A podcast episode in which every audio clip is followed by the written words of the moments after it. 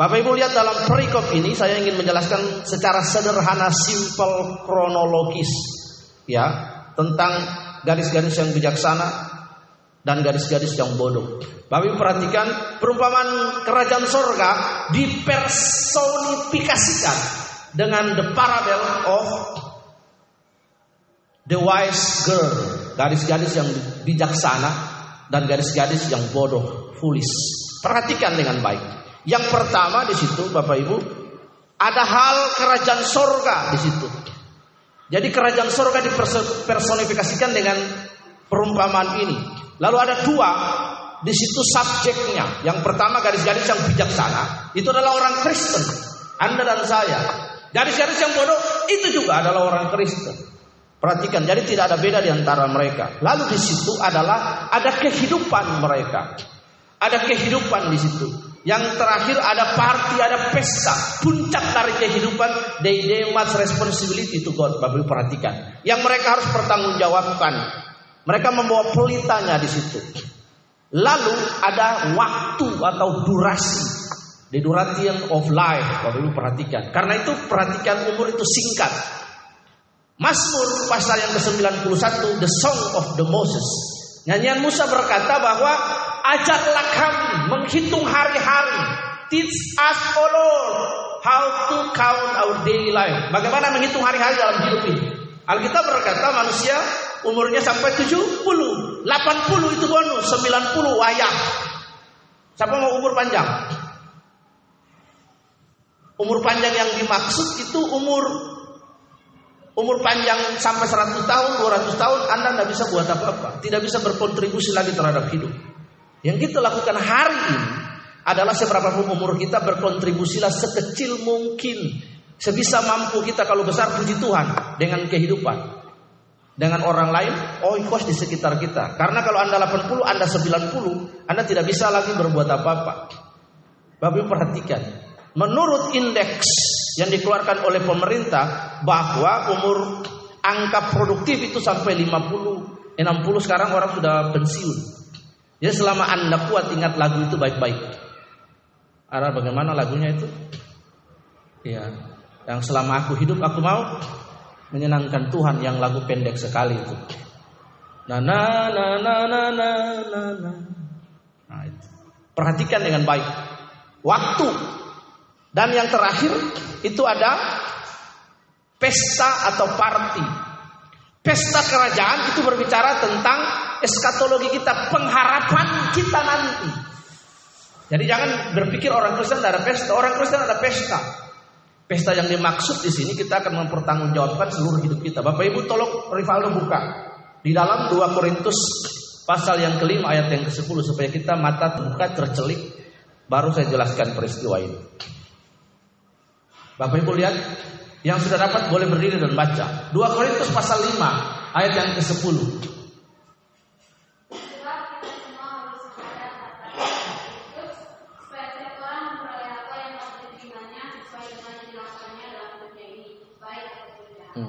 Perhatikan di situ. Sebab setiap kita akan mempertanggungjawabkan apa yang kita perbuat baik atau benar semua standing before God. Di dalam ruang pengadilan itu kita akan mempertanyakan semua. Bagaimana cara kita mempertanyakan semua dari saat kita mulai mengenal Kristus dan kita memiliki kesadaran, konsistensi dan nurani untuk bisa berbuat baik dan berbuat jahat. Kita mempertanyakan semua. Kembali lagi ke yang tadi, Bapak Ibu. Di sini dikatakan bahwa untuk menyongsong mempelai laki-laki tujuan kehidupan Kristen menjadi serupa segambar dengan Yesus. Lalu ujungnya adalah kita berjumpa dengan Tuhan Yesus dalam pengharapan eskatologi kita. Karena itu setiap orang Kristen dalam doktrin Kristen kita percaya ada kedatangan Tuhan Yesus yang menjemput setiap kita katakan amin bahwa kematian kehidupan Kristen tidak sampai hanya di kuburan dua kali tiga, tapi kehidupan Kristen setelah kita mati ada kehidupan yang lain. Itulah kehidupan yang dimaksud pada konteks yang kita baca dalam Matius 25 ini Bapak Ibu. Perhatikan di situ ada dua jenis orang. Yang pertama orang Kristen yang bodoh. Bapak Ibu perhatikan dan orang Kristen yang pintar. Bapak Ibu perhatikan. Kalau Bapak Ibu membandingkan pembacaan ini, ada ayatnya yang dia jadi satu gabung Bapak Ibu. Kalau Bapak Ibu membaca di dalam Mazmur pasal 1 ayat 1 itu ada paralel di situ. Paralelitas Alkitab di situ yang berkaitan dengan Mazmur pasal 1 ayat 1. Alkitab berkata berbahagialah orang yang tidak berdiri dalam kumpulan orang pencemu, yang tidak berjalan dan tidak duduk. Perhatikan, karena itu orang Kristen yang bodoh pertama dulu, dia tidak memperhatikan bagaimana cara dia duduk. Dia tidak memperhatikan bagaimana cara dia berjalan, apalagi berdiri. Karena itu kita harus memperhatikan kehidupan rohani kita. Ketika kita sedang berjalan, ketika kita sedang berdiri, ketika kita sedang duduk. Berbahagialah orang yang tidak berjalan menurut nasihat orang fasik, yang tidak duduk dalam kumpulan orang pencemooh. Nah ini Bapak Ibu berbahagialah karena itu ada orang Kristen yang bodoh dengan hidupnya. Karena dia tidak memiliki kepintaran rohani untuk bagaimana melihat hidup ini. Karena itu kita harus memiliki kecerdasan roh, rohani. Minta Tuhan menuntun kita. Supaya kita jadi mengerti dengan hidup kaya dengan pengalaman rohani lewat hidup. Supaya kita jadi bijaksana. Ajar kami Tuhan menghitung hari-hari. Agar kami peroleh hati bijaksana. Hati yang bijaksana itu adalah hati yang tahu tentang kondisi zaman. Bapak Ibu. Di sekitar kita. Karena itu fokus hidup Kristen itu adalah bagaimana kita menjadi serupa segambar dengan Tuhan. Amin. Untuk makan minum tidak usah dipikirin. Anda bekerja dengan tekun Tuhan memberkati pekerjaan-pekerjaan yang dilakukan. Jangan bawa tanah ke gereja lalu didoakan supaya kaya, bawa uang apa segala macam, berdoa lalu pergi tumpah tangan ke orang ke rumah, tumpah tangan ke orang foto. Bekerja supaya hidup Tuhan memberkati pekerjaan-pekerjaan kita. Perhatikan di situ.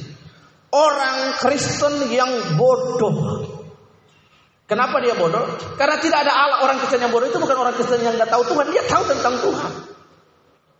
Dia tahu tentang Tuhan. Bodoh itu bukan berarti dia nggak bisa baca. Dia tahu tentang Allah, tapi perilaku pengambilan keputusan hidupnya tidak didasari pada firman Tuhan. Nah ini yang disebut te teoritis. Orang Amun bilang tahu segala sesuatu. Saya tahu. Saya potong pusat dengan Alkitab. Sebelum kamu lahir injak ayam belum pecah, saya sudah tahu Alkitab ini. Pada kenyataannya dia tidak tahu Bapak Ibu. Perhatikan. Nanti kita bahas di Lukas pasal 2. Sambungannya. Jadi ada orang Kristen yang bodoh. Sama-sama iring Yesus. Sama-sama iring Yesus. Sama-sama ke gereja. Sama-sama berbakti. Sama-sama ngaku Yesus. Tapi dalam hidupnya. Jangan pikir setan tidak takut sama Yesus. Setan takut sama Yesus. Bahkan gemetar Yakobus. Karena itu perhatikan. Karena itu kita harus menjadi orang Kristen yang pintar, orang Kristen yang pandai dengan hidup ini. Bagaimana supaya kita pandai? Bapak Ibu perhatikan kembali lagi di dalam Korintus Roma pasal 10 ayat 17. Iman timbul oleh pendengaran dan pendengaran akan firman Kristus. Faith come from hearing and hearing the word of God. Bagaimana kita mengerti tulisan-tulisan Allah, perasaan-perasaan Allah, isi hati Allah, the willingness of God. How to understand? You must read the Bible. Anda harus membaca Alkitab. Untuk bertumbuh, berbuah, tidak ada cara lain. Setiap hari renungan Alkitab, baca Alkitab karena itu satu Facebook saya, everything about Bible. Ya, bukan lagi kaya begini begini enggak. Semua pelayanan tentang Tuhan is not about me but about God. Ada anak-anak semua ada wajah kalian juga di foto, di video dan lain. Tapi itu tentang Allah, karya Allah dalam hidup kita. Amin. Jadi ada orang Kristen yang bodoh dalam hidup ini. Karena dia mengingkari firman Allah. Nuraninya tidak dipenuhi dengan kebenaran firman Allah that was.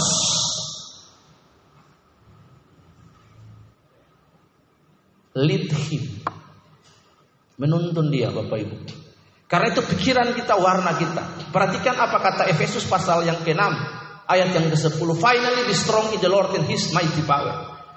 Akhir dari perjalanan hidup kita adalah kita tetap menjadi kuat. Jangan awal kita ikut Yesus. Bapak Ibu perhatikan Petrus ikut Yesus. Simpson. Contoh yang pertama Simpson Bapak Ibu. Saya mau iring Yesus. Saya mau iring Yesus. Sampai selama-lama. Dia jalan dengan Tuhan. Ada pergumulan hidup. Dia jalan. Bapak Ibu lihat perjalanan Kristen. Hidup Kristen contoh kita bisa belajar dari Simpson. Simpson lahir dengan privacy, nubuatan. Nah, akhir-akhir ini banyak orang Kristen yang berkancang kepada nubu, nubuatan. Kalau tidak dinubuatin saya tidak akan bertumbuh dan lain sebagainya. Bapak Ibu perhatikan, anak-anak perhatikan. Simpson fulfill with the spirit of God. Tapi hari-hari Simpson nuraninya dipenuhi dia membiarkan mata keranjangnya itu hawa nafsu menguasai. Hal pertama yang Simpson lakukan adalah Bapak Ibu perhatikan adalah dia jatuh ke dalam seorang perempuan dari Timna. Pemberontakan pertama Simpson adalah unsubmission to the law of God. Apa law of God? Simpson tidak tunduk kepada otoritas orang tua dalam keluaran pasal yang ke-20. Hukum kelima, Bapak Ibu perhatikan. Hormatilah orang tuamu supaya lanjut umur di tanah yang diberikan. Itu adalah celah bagi Simpson jatuh. Tradisi orang Israel Perhatikan tradisi orang Israel adalah orang Israel harus menikah dengan orang Israel. Karena itu tradisi Kristen kita adalah yang terang menikah dengan te terang, bukan terang menikah dengan gelap. Perhatikan. Karena itu orang Kristen, anak-anak yang sudah kuliah, yang sudah siap untuk mengambil tanggung jawab dan rumah tangga harus ber, berpacaran dalam tempat yang terang, lampu seribu watt. Kalau pacaran di tempat gelap, nanti mata gelap, pikiran gelap, lakukan perbuatan gelap.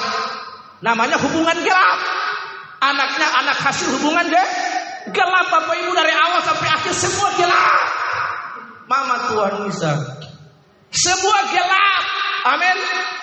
Pertama, dia mata gelap. Lihat, wih, bang, ganteng sekali. Iya kan, bagusnya ganteng sekali kan? Padahal bukan dari Tuhan tau, ganteng sekali. Iya, nalan dong, godain saya dong, waduh. Simpson lihat perempuan Timna itu, dia lihat perempuan Timna, di mata gelap, hmm, napas turun naik, hmm, lidah melet. Wow, gitu. Dan dua kawin, bapak tidak setuju, melanggar hukum juga. Yang kedua dia jatuh. Perhatikan. Dia jatuh kepada perempuan di lembah sorek bernama Delila. Saya berharap di sini tidak ada yang bernama Delila. Bapak Ibu perhatikan. Dia jatuh begitu tersepona dengan Delila. Tidak tahu Delila pakai parfum apa atau minyak nyong-nyong atau apa, tidak tahu. Atau Delila mungkin pakai suanggi apa sampai Simpson begitu tersepona. Delila lewat saja rambut itu Simpson gini. Wow, wow, wow, wow, wow. Akhirnya mereka pacaran. Iya kan? Pikiran Simpson sudah gelap. Hati Simpson sudah gelap. Akhirnya pacaran di tempat gelap. Keputusan gelap. Hubungannya hubungan gelap. Akhirnya anak hasil hubungan gelap. Semua gelap. Tidak ada terang Bapak Ibu. Karena itu Bapak Ibu di rumah harus pakai lampu Philips. Terang terus. Terus ter terang. Lihat. Nah orang Kristen model Simpson ini. Dipanggil bergabung-gabung untuk Yesus pertama. Bapak Ibu lihat akhir hidup Simpson. Stand up komedi pertama di dunia. Itu Simpson. Alkitab mencatat ketiga when the five cities of the Palestine they gathering they talk in order to each other among them please call Simpson bring bring him to here to make a stand up comedy for us lalu Simpson dipanggil untuk melawak anda cari kata melawak di Alkitab yang ada di Android itu di lingkaran atas kata melawak hanya tertuju kepada Simpson jadi stand up comedy yang hari ini Andika siapa itu buat sudah ada jauh. Orang Kristen Bapak Ibu lihat Simpson lahir dengan pengurapan. Fulfill with anointing. Akhir hidup dia mata buta dicungkil. Jadi budak di orang Kristen diperbudak. Anak tua diperbudak. Bapak Ibu lihat, ini ciri orang Kristen yang bodoh dalam gadis-gadis yang bijaksana. Ini gambaran tentang orang Kristen yang hidup hanya Kristen. Lahir Kristen, tapi hidup bukan Kristen, hidup hidup bukan Kristen, tobat kumat. Ya Bapak Ibu lihat Simpson. Berbeda dengan gadis-gadis yang bijaksana. Contoh kehidupan yang kita lihat adalah Yusuf. Handsome, cakap, dia bekerja sekalipun Dia Yusuf adalah tipologi gambaran Tuhan Yesus. Bapak Ibu lihat di situ. Dibuang dia tidak sakit hati. Dikecewakan tidak sakit hati. Dijual, dibuang dalam sumur. Habis itu dijual, masuk penjara dua kali. Masuk penjara, lalu setelah itu jadi istri Potifar. Dia di fitnah. Perhatikan Bapak Ibu. Tante Potifar jatuh hati sama Yusuf. Setiap hari Alkitab berkata, dia menggoda Yusuf. Wow, Yusuf ganteng sekali. Hmm. Seperti itu, ganteng sekali. Wow. Akhirnya pengurapan Yusuf adalah la, lari digoda. Bapak Ibu kalau kita baca sejarah, ini Tante Potifar ini kelas bangsawan, kepala istana Firaun ini. Jadi orang zaman dulu itu sudah ada jalur sutra, rempah-rempah jadi mereka merawat diri dengan baik. Cantik. Kalau ada perempuan cantik datang sodorkan diri, laki-laki yang waras normal pasti dia terima. Amin. Yusuf tidak. Tante ngajak dia kalau hari ini orang normal lalu artis siapa yang cantik atau ajak begitu untuk berhubungan suami istri. Wah, durian untuk rezeki ditolak sayang. Ya kan begitu. Tapi Yusuf lah, Yusuf lah, Yusuf lari, pengurapannya lari. Ini bukan udah setolak, setolak dalam Yesus. Dia harus power kalau cuma tolak-tolak. Akhirnya bukan tolak lagi. Biarlah kehendakmu Bapak yang jadi. Ya Tuhan Yesus. Orang Kristen dia bodoh tadi itu. Ada seorang mahasiswa pendeta dia nabis dari Jogja ke dari Salatiga ke Jogja. Jadi kalau anda sudah pernah ke Jogja itu ada sebuah kota boleh bisa dibilang itu kota Kristen namanya Salatiga, Solo Tiga. Itu kejadian lahir kotanya itu kan kejadiannya di Sunan Kalijaga itu Salatiga. Nah, lalu Salatiga itu dekat seperti kekutatan Tabanan. Nah, bis masih ada cewek cantik. Pakai bajunya kurang pakaian karena memang toko pakaian habis waktu itu ketika dijahit. Ya. Jadi kelihatan bagian dada. Ya. Alias sekuilda sekitar wilayah dada. Ya, duduk di mobil berdempetan. Perempuan ngantuk ya, tidur gitu. Bahasa roh lagi, ya kan? Muka lama, muka baru, ku rasa-rasa, saya tolak. Sekali lagi, lagi. Salah dulu. Dalam saya hancurkan segala roh-roh. Yang ketiga kali perempuan tidur langsung jatuh di sini, kepala jatuh di sini. Tuh, langsung dia pegang bagian kepala. Tuhan, biar kehendakmu yang jadi, bukan kehendakku yang jadi. Ya. Itu ke keliru. Karena itu perhatikan sekali. Ada perbedaan. Yusuf diproses melalui kehidupannya akhirnya menjadi Perdana Menteri, Prime Minister. Simpson itu perhatikan dia lahir dengan nubuatan the promises of God. He must be a deliverer, menjadi seorang pembebas, seorang hero. Kalau hari ini kita bilang menjadi avenger. Tapi ujungnya lahir dalam nubuatan, lahir dalam janji Allah dengan kekuatan kekuatannya dia akhirnya jatuh. Akhir hidup Simpson mata buta. Akhir hidup Simpson apa? Jadi pelawak. Banyak dari orang Kristen akhir hidupnya adalah jadi pelawak. Dia anak Tuhan yang sungguh-sungguh setia dalam pelayanan, tapi akhir hidupnya. Seringkali kan kita menemukan kejadian-kejadian seperti ini dalam hidup Kristen kan? Kita menemukan dia anak Tuhan yang sungguh luar biasa, tapi akhir hidupnya. Karena itu baca dalam Efesus pasal 6 ayat yang ke-10, finally akhirnya Hendaklah kamu kuat akhirnya hendaknya itulah kesimpulan dari hidup Kristen.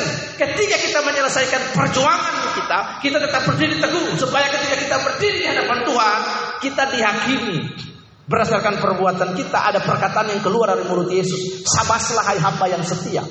Kepadamu aku berkenan. Itu hidup. Jadi jangan pikir nanti kalau kita mati lalu semua selesai. Setiap orang Kristen mati tidak ada selesai. Ada hidup, ada dihakimi di sana. Nah Bapak Ibu, lihat.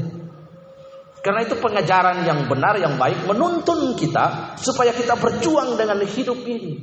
Supaya lihat kita nanti masuk di pe pesta. Ketika Tuhan pesta Matius 25 berkata, "Sama-sama mempelai datang." Karena nanti orang Kristen, gereja Tuhan akan menikah dengan Yesus, datang di awan-awan. Haleluya Tuhan datanglah dalam kemuliaannya bersama para tebusan. Sambutlah dia Raja. Amin. Oh Yerusalem kota mulia hatiku rindu ke sana. Tak lama lagi Tuhanku datanglah bawa saya masuk sana.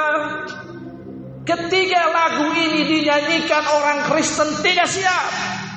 Minyak habis itu artinya apa? There's no anointing in his life. Tidak ada pengurapan dalam hidupnya. Tidak ada kecerdasan rohani dalam hidupnya. Orang Kristen yang bodoh. Karena bergaulnya salah. Karena dia memenuhi hati dan pikirannya dengan konsep yang salah. Hari ini perhatikan apa yang Anda dengar di telinga Anda mempengaruhi Anda berpikir, mengambil keputusan. Apa yang Anda lihat dengan mata Anda membuat Anda apa? Berpikir dan mengambil keputusan yang salah. Karena itu hati-hati dengan apa yang kita dengar, dengarkanlah kebenaran. Hati-hati dengan apa yang kita lihat, lihatlah kebenaran, katakan amin. Iblis datang ketemu dengan Hawa. Hawa lagi gunting-gunting bunga. Dia lagi rawat-rawat bunga. Dia nyanyi lagunya. Lagu apa yang dinyanyikan Hawa? Kira-kira lagu apa ya? Dinyanyikan Hawa ini. Kan nggak mungkin Hawa nyanyi lagu pulangkan saja aku pada ibu atau ayahku. Hawa nggak punya mertua. Iya kan? Adam juga tidak punya mertua. Sama-sama yang piatu. Ada yang tidak punya bapak, tidak punya ibu karena bapak mereka langsung dari Tuhan, Tuhan yang kita tahu. Jadi Hawa perempuan yang paling enak di. Karena tidak pernah bentrok dengan moro tua. Juga Adam juga tidak punya moro moro tua. Jadi nyanyi tiba-tiba setan lewat. Hawa Hawa gunting terus. Hawa saja Hawa hmm. Panggil lagi Hawa Eh iya. Iblis. Dipanggil iblis kan Lagi ngapain? Enggak. Lagi gunting bunga Ah gitu kan. Oh bisa nggak diajak ngobrol? Enggak. Besok lagi diulang-ulang terus Akhirnya hawanya lu Lulu Eh gini loh, saya mau kasih tahu ke kamu. Tuhan kan bilang, jangan makan pohon yang di tengah, tengah pohon pengetahuan yang baik dan jahat. Ketika kamu merabanya saja sudah mau mati. Semua pohon di taman ini boleh you makan, yang di dalam jangan makan. Tapi kenapa saya mau kasih tahu rahasia? Rahasianya adalah kalau kamu makan nanti kamu jadi seperti Tuhan, makanya Tuhan larang. Ah masa sih? Iya, kamu nggak mau coba? Enggak ah. Itu besok lagi diulang cerita yang sama. Jadi apa yang dia dengar, apa yang dia lihat, lalu tibalah puncaknya itu. Jadi Hawa sama Adam itu Hawa makan buah itu bukan baru satu kali, digoda satu kali enggak. Digoda berkali berkali-kali itu jadi Simpson, jadi stimulus secara halus setiap hari digoda. Akhirnya Hawa lihat Alkitab berkata, Hawa lihat buah itu baik menurut pengamatannya, kemudian diambil buah itu pas dimakan. Di situlah awal kejatuhan manu, manusia. Nah, Bapak Ibu perhatikan di sini. Jadi hari-hari ini kita memperhatikan apa yang kita dengar. Yang gosip-gosip. Pengajaran-pengajaran yang salah. Pengajaran yang benar cuma satu. Bersumber dari Alkitab. Ketika sudah berbicara pengalaman pribadi. Berbicara saya dapat mimpi dan penglihatan. Susah. Susah. Susah. Nah, saya melihatkan. Tuhan berkata kepada saya. Kamu akan menjadi orang yang kaya. Kamu akan menjadi miliarder. Iya. Tapi kamu harus menabur dulu. Apa yang ada padamu hari ini? Tidak ada Tuhan. Pasti masih ada padamu cincin. Serahkan itu kepada Tuhan. Bawa di depan, taburlah. Ah, itu kan sering kali kita lihat kan? Seringkali kita lihat. Saya mendapat perakatan iman. Ibu Ayu. Ayu Tri. Cantik. Jegek bulan. Ah, seperti itu. Kamu akan jadi orang sukses, jadi pengusaha yang sukses. Pengusaha apa? Pengusaha lele. Ya, seperti gitu. Lelenya botlah ya. seperti itu kan. Baca Alkitab, segala sesuatu bersumber dari Alkitab. Bapak Ibu perhatikan, Alkitab mengajar kita cuma empat loh, tidak ada yang lain. Perhatikan saya ajar yang benar ini. Kalau ada yang bantah saya pendeta suruh dia datang sini lalu berdiskusi dengan saya mau mau via Zoom, via YouTube saya tidak lari. Perhatikan, buka 2 Timotius pasal 3 ke 16. Manfaat firman Tuhan cuma empat. Ya. Nanti sini kita hubungkan ke Lukas menjadi bagian epilog yang terakhir dari khotbah kita ini. Bapak Ibu perhatikan. Sudah 2 Timotius pasal 3 ke 16. Ah, Bung Rifa yang ganteng, baik hati dan tidak sombong. Tolong buka. Oke, lihat Segala tulisan yang diilhamkan Allah bermanfaat untuk mengajar, menyatakan kesalahan, memperbaiki kelakuan, dan menjadi orang yang dalam kebenaran. Dengan demikian tiap-tiap manusia punya Allah diperlengkapi perbuatan baik. Pasagrafe Kayu Ovelimos Pros Didas sekalian Pros Eparnotosin Ten Iodio Kayu Osune Bapak Bapak Ibu perhatikan Jadi segala tulisan all the script That was illuminated by the Spirit of God Itu berfungsi untuk apa satu? Untuk apa? Mengajar orang Kristen perlu diajar Untuk berbuah, untuk bertumbuh Untuk hidup dalam rohani Supaya ketika Tuhan Yesus datang itu orang siap Jangan diajak terus tentang belalang pelahap, belalang pelompat, belalang pengeri. Khotbah bodoh itu. Diajar orang Kristen supaya dia jadi pintar. Supaya Tuhan Yesus datang ke pintu. Kalau Tuhan Yesus itu orang Bali, dia ke pintu. Subo pragat. Jawabnya, subo Tuhan. Oke, okay, let's go. Kijo Tuhan, sorga. Ah, amin. Sing kene, sing keto Yesus. Dogen sarang tidak yang Yesus. Jadi guys, tapi perhatikan orang Kristen perlu diajar. Karena itu orang Kristen itu jadi murid ciri diajar supaya pikirannya, nuraninya, pola berpikirnya penuh dengan kebenaran. Yang kedua lihat, untuk menyatakan kesal, kesalahan orang Kristen kalau buat salah, yang ada dalam pengembalaan ditegur supaya diarahkan karena orang Kristen itu hidup dalam jalan kehidupan. Supaya dia tidak tersesat. Ada banyak jalan yang disangka orang lu lurus ujungnya menuju maut. Orang Kristen hari ini juga begitu. Dia pikir dia sudah benar. Dia pikir dia sudah lurus. Padahal belum masih menceng banyak. Tomat dan tomat tomat di gereja haleluya. Sampai di lupa. Sampai di luar sana halimba. Amin. Lihat Bapak Ibu, untuk apa? Mengajar menyatakan kesalahan. Kalau ada kesalahan rohani kita tegur. Misalnya Bapak Atanasius merokok atau minum minuman mabuk, lalu bilang Bapak Pendeta tolong kasih nasihat dulu saya suami Bapak Atanasius bagi ibu nanti saya main ke rumah ya. Ah, bukan ini lalu saya berkata, Hai Bapak Atanasius, tidak boleh merokok, ya? Tidak boleh minum. Kok pembina baru kasih tahu saya ini? Waduh bahaya kalau pendeta ngomong itu lagi tiba-tiba sepatu terbang dari bawah, kursi dari bawah bahaya. Tapi saya ke rumahnya, ketemu duduk minum kopi berdua. Apa kabar bapak?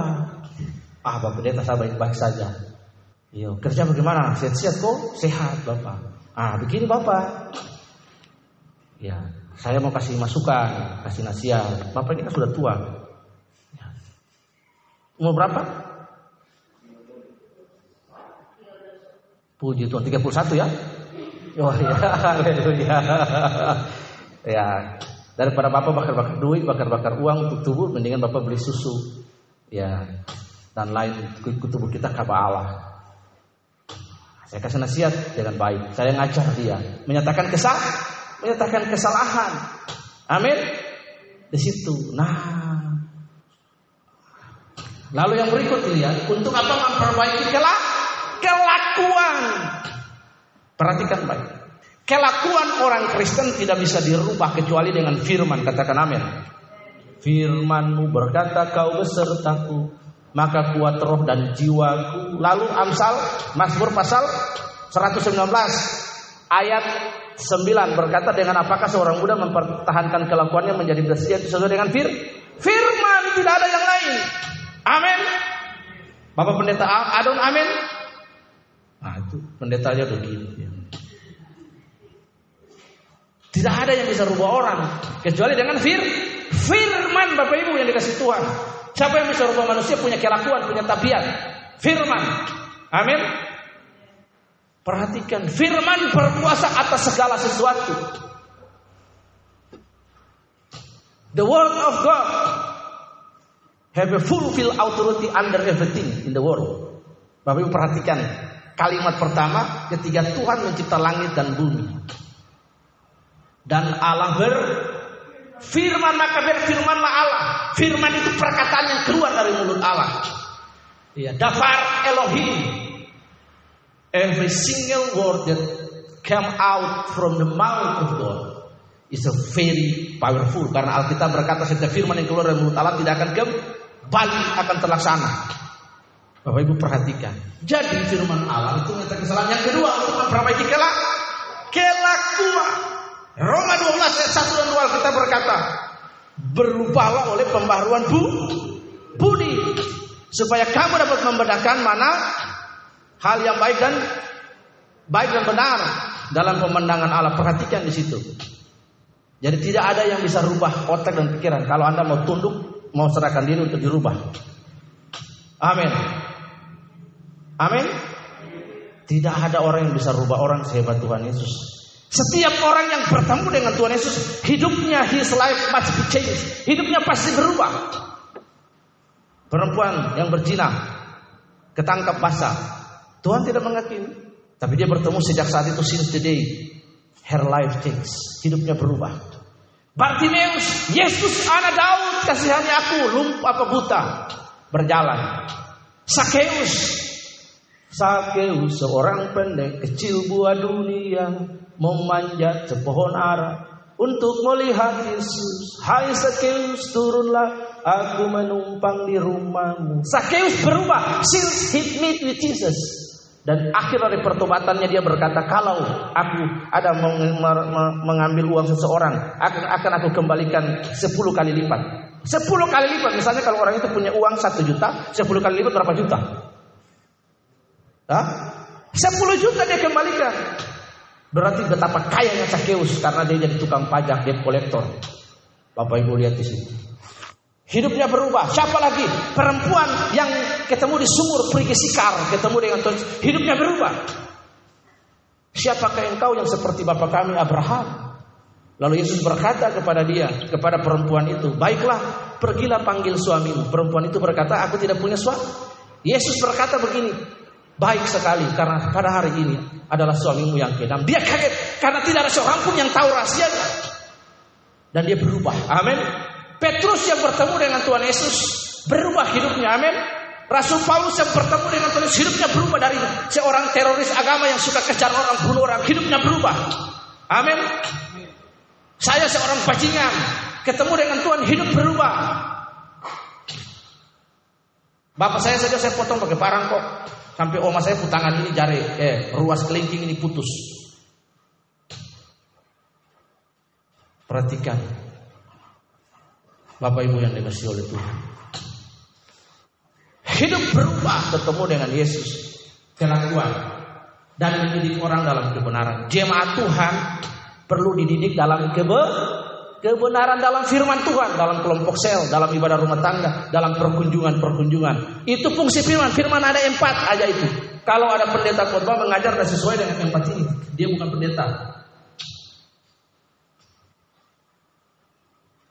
Jangan khotbah bagaimana? E, ibu nanti begini ya.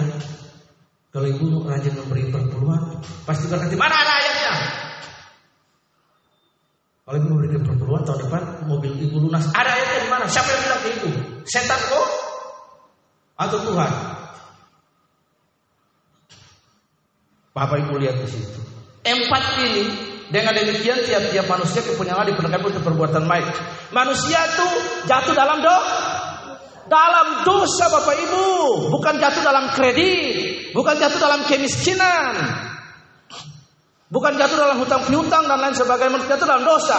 Jadi Tuhan datang untuk menebus do dosa, bukan menebus hutang. Bukan buat supaya orang jadi kaya. Aku datang supaya setiap orang mempunyai hidup dan hidup dalam berbagai kelimpahan. Kelimpahan yang dimaksud itu adalah kita menerima Yesus jadi Tuhan dalam hidup ini. Kalau ada Yesus itu cukup sudah. Amin. Katakan amin. Iya Yesus yang termanis buat jiwaku buat jiwaku, buat jiwaku, Yesus yang termanis, buat keluargaku, ku cinta selamanya. Amin. Iya, uang yang termanis buat hidupku. Buat hidup Bapak Ibu. Uang itu nilainya berubah-ubah. Bahasa ekonominya bilang fluktuasi. Kalau kita cinta uang, maka kita akan jadi sama seperti u, uang. Uang bisa naik turun, Bapak Ibu. Kalau kita cinta Yesus, kita akan jadi serupa dengan Tuhan Yesus. Amin. Perhatikan, segala sesuatu akan Tuhan cukupkan. Ada namanya providensia, pemeliharaan Allah. Orang yang tidak takut Tuhan pun kalau dia sungguh-sungguh bekerja, rajin tekun, ulet diberkati, katakan amin. Yang punya bank BCA itu siapa? Bukan anak takut Tuhan, Lim Sioking. Dia bukan orang takut Tuhan, bukan orang Kristen, tapi kaya. Konglomerat. Bukan engkong yang melarat ya. Konglomerat. Ya lihat. Dia nggak takut Tuhan. Dia kerja sungguh-sungguh. Sugi. Jadi jangan peralat Tuhan dalam hidup ini. Setia saja. Setia setialah. Setia sampai mati. Seperti Tuhan Yesus. Setia sampai mati. Amin. Iya. Aku mau iring Yesus. Aku mau iring Yesus sampai selama-lamanya. Kebahagiaan dalam rumah tangga adalah ada Yesus hadir dalam rumah tanggamu. Yesus dalam suamimu, Yesus dalam istrimu, Yesus dalam anak-anakmu itu happiness. Bukan dan lain. Iya. Akhirnya kita nyanyi lagunya Opi Andaresta. Tahu ya? Andai ah ah ah aku jadi orang kaya. Sudah di konden. Nah, iya. andai ah ah aku punya apa? Mobil mewah. Semua dapat kode. nah, itu kerja saja, amin. Bahagia itu ukurannya bukan di materi. Kadang-kadang orang kita jadi goblok dan tolol sekali. Kalau saya punya itu, buat saya bahagia, amin. Salah. Kalau saya punya suami ganteng, oh pasti saya bahagia apa bilang? Saya bilang kalau punya suami ganteng bahagia. Hati-hati, banyak pelakor mengintip. Nah, bahaya. Siapa bilang punya istri cantik bahagia? Enggak. Iya. Banyak suami orang melirik. Hati-hati Bapak Ibu. Amin. Akhirnya nyanyi lagu. Iya. Nyanyi lagu kan? Apa itu? Pulangkan saja aku pada ibuku atau ayahku. Ha. Iya. Karena memang nggak cocok ada lagu yang bilang apa aku apa untuk istri, apa istri orang atau suami orang itu. Karena memang nggak nggak cocok. Bapak Ibu perhatikan. Nah, dengan demikian setiap manusia artinya setiap orang Kristen kalau ajarannya benar, kalau diajar supaya ngerti kitab suci, diajar untuk menyatakan kesalahannya dia melanggar hukum rohani ditegur, diperbaiki kelakuan dengan demikian orang didik dalam kebenaran. Siapa itu kebenaran? Didik di dalam kebenaran. Kebenaran itu apa? Ma Yohanes pasal 4 ayat 6. Yohanes pasal 14 ayat 6. Baca yang sudah dapat. Yohanes pasal 14 ayat 6 didik dalam kebenaran. Baca satu orang sudah berdiri. Baca dengan suara yang lantang.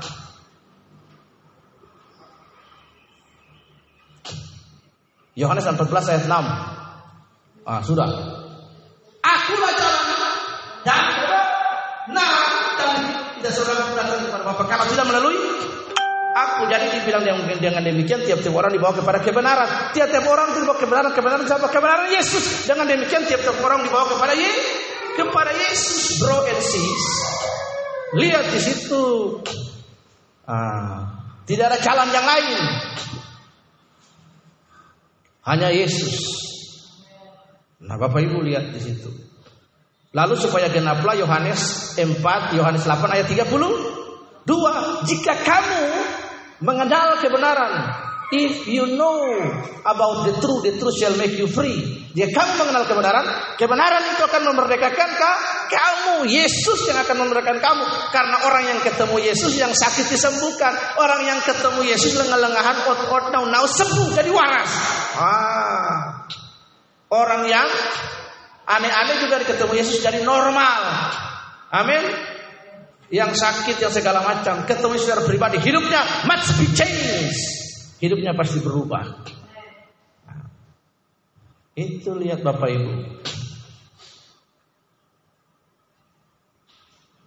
Jadi orang Kristen itu haruslah dia seperti gadis-gadis yang tidak sana. Mengisi hidupnya, hidupnya itu pelita, Iya. Hidupnya itu dengan perkara-perkara yang ilahi, perkara karena itu Bapak Ibu ibadah itu begitu penting. Yakobus Paulus berkata kepada Timotius, ibadah mengandung janji untuk hari ini dan akan datang. Bapak Ibu, Bapak Ibu perhatikan ya. Siapa yang sudah pernah bertemu dengan Ratu Elizabeth? Ratu Inggris. Belum ada toh? Nah, Siapa yang mau ketemu sama mereka? Puji Tuhan kalau diizinkan ketemu itu mujizat. Tapi kalau tidak ketemu juga tidak jadi masalah. Itu bukan ukuran. Perhatikan. Banyak orang bangga sekali senang ketemu dengan Ratu Eri. Sabit atau orang-orang kaya dalam hidup ini. Memang bangga. Saya juga kepingin ketemu sama Presiden Jokowi. Misalnya salaman foto-foto selfie oleh senang. Tapi kalau tidak juga tidak masalah. Tapi Bapak Ibu perhatikan. Ibadah orang Kristen itu setiap kita ketemu dengan Yesus katakan amin. Apa kata Alkitab? Di mana dua tiga orang berkumpul di situ aku ha? Aku hadir dalam pertemuan mereka betul hadir belum tentu. Jadi ketika kita ibadah ini Tuhan hadir di antara kita, rohnya, hadiratnya, kuasanya, iluminasinya memerdekakan kita. Nah itu yang benar. Kalau kita nggak ketemu apa-apa sama Tuhan, dijadikan pertanyaan bagi kita. Nuranimu tumpul, pikiranmu tumpul. Kita duduk di sini terutama ibu-ibu, iya kan? Kita duduk di sini, dengar khotbah, tapi pikiran kita melayang jauh di dapur. Sud ibadah, ibadah makan apa ya? Habis ibadah makan ayam, makan acar. Ya. Habis ibadah besok makan apa ya? Ibu-ibu itu kan misalkan begitu ya. Nah, jangan mau khawatir. Bapak Ibu perhatikan. Karena itu mari kita mengisi hidup kita supaya kita tidak jadi orang Kristen yang bodoh, orang Kristen yang bijaksana. Kita harus jadi orang Kristen yang bijaksana dengan hidup. Ketiga, waktu atau durasi itu tiba. Jadi ada waktu dalam hidup ini seperti seperti apa? Uh, stop stop stop watch itu, stop watch ya, yang dia tetap 30 menit. Kita harus siap-siap. Sebenarnya Anda sudah siap-siap di sini Bapak Ibu lihat. Ketika kita dapat telepon, saya akan datang hari sekian, papar akan datang. Hoi, anak-anak siap. Kamarnya dibersihkan, semua cuci sarung mata dibersihkan sampai tiba-tiba. Tiba-tiba dia datang, waduh puji Tuhan, langsung. Saya berdoa, besok lagi dia datang, bukan hanya cake yang dibawa. Cabut set, amplop, kamu, kamu. Mani, mani, mani, mani, mani, mani. Nah. Gitu ya. Lihat, kita harus siap lalu orang Kristen yang bijaksana itu ketika bel berbunyi teret sangka kalah Tuhan datang, aku datang. Iya. Kita kan mempelai perempuan ya, gereja itu mempelai, Tuhan mempelai laki-laki. Kalau Tuhan bilang aku datang Kapernaum, batu penjuru aku datang. Nah, kita juga lari. Tuhan, gitu kan. Amin. Iya, apalagi kalau Tuhan lah gitu kan. Saya aja waktu datang satu minggu dari Jakarta, mama jemput, Wih, Papa, oh, di bandara. Nah, mantap. Padahal saya pergi dan kembali. Nah, Bapak Ibu lihat. Oke, itu. Mari kita lihat bagaimana cara contoh satu lagi orang Kristen hidup dipimpin oleh Roh Kudus. Pelitanya tetap menyala. Buka dengan cepat, singkat saja. Lukas pasal 2. Lukas pasal yang kedua. Perhatikan kalimat-kalimat inti ya dari ayat ini. Adalah di Yerusalem seorang, Lukas pasal 2 ayat 25. Adalah di Yerusalem seorang yang bernama Simeon. Ia seorang yang benar dan saleh yang menantikan penghiburan bagi Israel. Roh Kudus ada di atas kepalanya satu. Ya, Roh Kudus ada di atas kepalanya ingat. Dan kepadanya telah dinyatakan oleh Roh Kudus. Roh Kudus berikan pernyataan kepada dia dua. Bahwa ia tidak akan mati sebelum dia melihat Mesias, yaitu dia yang diurapi. Ia akan ia datang ke bait Allah oleh Roh Kudus. Perhatikan tiga di situ. Roh Kudus akrab dengan dia. Roh Kudus menyatakan kepada dia. Roh Kudus menuntun menuntun dia. Jadi Simeon satu-satunya only the one man in the world that meet with Jesus as physically. Satu-satunya manusia di dunia yang gendong Yesus itu secara fisik, fisik itu hanya Simeon, tidak ada yang lain. Dan dia berkata seperti gini, nun dimitis. Artinya biar saya pulang sudah, saya sekarang boleh matilah, ambil nyawa saya Tuhan, karena saya sudah ketemu Yesus. Karena itu orang Kristen harus seperti Simon, gadis-gadis orang Kristen yang pandai, dipimpin oleh Roh Kudus, dituntun oleh Roh Kudus nyatakan, lalu Roh Kudus bawa kita untuk ketemu dengan pribadi Yesus, katakan amin. Dengan demikian maka Bapak Ibu kita akan jadi orang Kristen yang bijaksana, yang dipersonifikasikan dengan gadis-gadis yang yang bijaksana tadi. Ketika Tuhan berkata, siap song-song aku datang, dunia aku datang. Kita kelompok kecil di sini, kita mengerti Kapernaum, kita bilang Tuhan kami siap. Jangan sampai tiba-tiba waktu itu datang kita tidak siap. Kalau bunyi sangkakala, kalau bunyi sangkakala, kalau bunyi sangkakala, kalau bunyi sangkakalaku ada, ada pertemuan di udara, pertemuan yang indah. Nah kita bertemu di udara semua. Harus siap baik-baik. Isi pelita hati kita, belajar kebenaran firman Tuhan. Jangan sampai kita semua ketemu di udara saling lihat. Wih Valentina, wah bapak. Iya kan. Ngen komang, sinawang. Tapi kalau ketemu dengan komang, komang puji Tuhan. Komang ada di sini, iya bapak. Saya putuskan mengikuti Yesus dan percaya Yesus di dasarnya Yesus. Saya memberi diri di baptis, haleluya puji Tuhan. Iya. Ya kan. Halo Kara, halo Yohana, woi bapak. Saya lihat dari jauh, ada itu Om Sem, halo Sem. Waduh, kita nyanyi puji Tuhan. Di mana ada Kara? Wih, saya tadi lihat Kara ada, wih puji Tuhan. Bagaimana Kara kamu Kara bisa di sini? Puji Tuhan Bapak. Iya, saya bertemu dengan Tuhan secara pribadi, saya mengambil keputusan ikut Yesus. Amin. Saya serahkan diri di baptis diajar. Jadi anak Tuhan. Saya tidak takut dengan cemoohan keluarga saya. Saya ikut Yesus, cari dasarnya Yesus. Sekarang saya anak Tuhan, saya naik ke surga. Puji Tuhan. Amin. Lalu kita nyanyi sama-sama. Ada pertemu, kita sudah bertemu di udara. Kita bikin komsel di udara. Ini ceritanya nih. Ceritanya ya, kita bikin komsel di udara, kita nyanyi sama-sama. Haleluya, praise the Lord. Eh, everybody praise the Lord. Haleluya. Singing glory, praise the Lord. Hallelujah. Oh my sister, praise the Lord. Hallelujah. Hallelujah. Everybody praise the Lord. Iya kan? Kita lihat, woi, Markus, mama Markus di mana? Wih, Singawang. Wih, bagaimana? Markus udah take off. Singkemu bapak badak. Di mana dia nyangkut? Nyangkutnya di kebun apel di Balung pada. Amin. Jadi mari kita mempersiapkan diri kita baik-baik supaya kita menjadi orang Kristen yang bijaksana, yang dipersonifikasikan, digambarkan dengan cerita daripada Matius 25. Bapak Ibu cerita Matius 25 ditempatkan pada pasal 25. tiga pasal berikutnya itu tentang penderitaan Tuhan Yesus, kemudian kematian Tuhan Yesus, kenaikan Tuhan Yesus, dan amanat agung.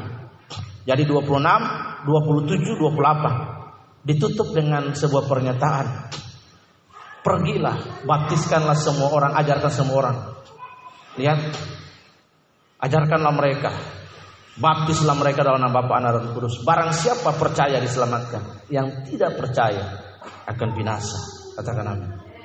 Jadi peristiwa itu anak-anak gadis-gadis yang biasa ditempatkan pada pasal 25. Maksudnya peringatan setelah setelah peristiwa penganiayaan Yesus, pembunuhan, penangkapan, kematian naik ke surga ada amanat agung.